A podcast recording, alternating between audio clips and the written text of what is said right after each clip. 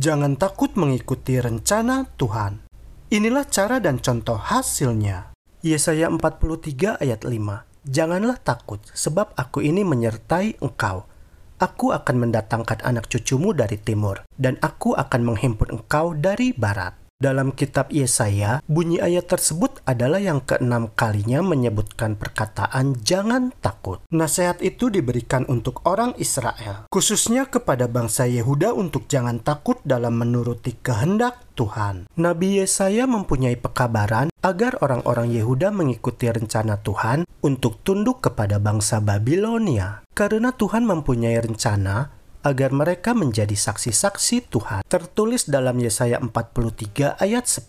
Tuhan juga memiliki rencana supaya nantinya anak cucu mereka akan dikumpulkan kembali dari timur dan barat, juga dari utara dan selatan dan seluruh ujung bumi. Tertulis dalam Yesaya 43 ayat 6. Sebab itu orang-orang Yehuda diingatkan supaya jangan takut untuk mengikuti rencana Tuhan. Karena Tuhan telah mengatakan dalam ayat tersebut seperti ini, Sebab aku ini menyertai engkau. Meskipun orang-orang Yehuda nantinya akan berada di tempat perantauan di Babilonia, namun Tuhan akan memberikan perasaan aman dan terlindungi kepada mereka. Serta mereka juga nantinya tidak perlu memiliki perasaan takut dalam mengikuti rencana Tuhan untuk menjadi saksi baginya. Walaupun Tuhan telah berulang kali mengatakan untuk jangan takut, namun orang-orang Yehuda itu tetap merasa takut. Mereka sangat merasa takut pada ancaman bangsa dari utara, hingga menyebabkan mereka pun berpaling kepada manusia. Yehuda meminta bantuan kepada bangsa lain, tidak mengikuti apa yang sudah Tuhan rencanakan dan katakan, dan akibatnya kerajaan Yehuda dihancurkan oleh bangsa Babilonia. Mereka mengalami penderitaan yang sebenarnya tidak perlu terjadi bila saja mereka taat mengikuti rencana Tuhan. Seandainya pada waktu itu mereka percaya kepada Tuhan dan mengikuti rencananya, Meskipun orang-orang Yehuda tersebut nantinya akan ditawan, tetapi dengan penyertaan Tuhan, mereka akan tetap diperlakukan dengan baik dan justru nanti di sana mereka dapat menjadi saksi bagi Tuhan kepada orang-orang di negara asing. Hal tersebut ditunjukkan melalui pengalaman dari Daniel, Sadrah, Mesah, dan Abednego yang membuktikan kebenaran dari rencana Tuhan tersebut. Mereka semua dapat menjadi saksi yang mulia bagi Tuhan ketika mereka ditawan di Babilonia. Bahkan melalui kesaksian dari cara hidup orang-orang Israel yang ditawan di Babilonia itu, Nebukadnezar Raja Babilonia dan keluarganya serta penduduk Babilonia menjadi dapat mengenal Tuhan yang benar. Tuhan telah menyertai Daniel, yaitu saat Daniel menyampaikan mimpinya kepada Raja Nebukadnezar. Juga ketika Tuhan menyanggupkan Daniel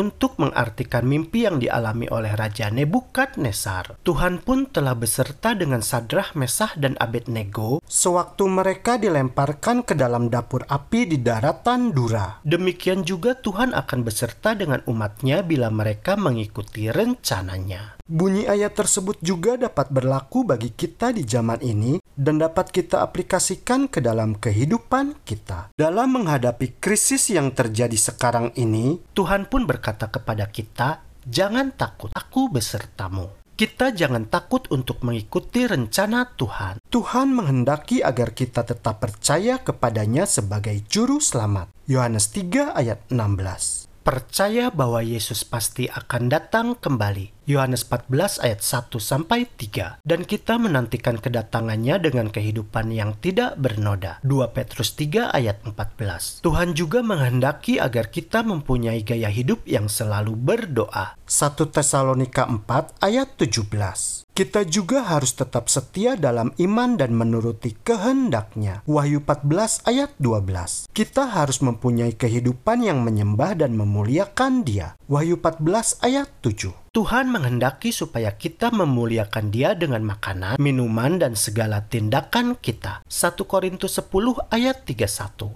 Itu artinya bahwa Tuhan menghendaki agar kita memiliki pola hidup sehat dan mempunyai sanitasi yang baik sehingga kita mempunyai imunitas yang baik dalam menghadapi wabah COVID-19 ini. Tuhan juga menghendaki agar kita mempunyai rasa kepedulian dan belas kasihan kepada orang yang berkekurangan. Lukas 10 ayat 37. Sebab Yesus berkata dalam ayat berikut ini, Matius 25 ayat 40. Aku berkata kepadamu, Sesungguhnya segala sesuatu yang kamu lakukan untuk salah seorang dari saudaraku yang paling hina ini, kamu telah melakukannya untuk aku. Bila kita mengikuti rencana Tuhan, maka kita juga dapat berkata, "Jangan takut, sebab Tuhan beserta kita."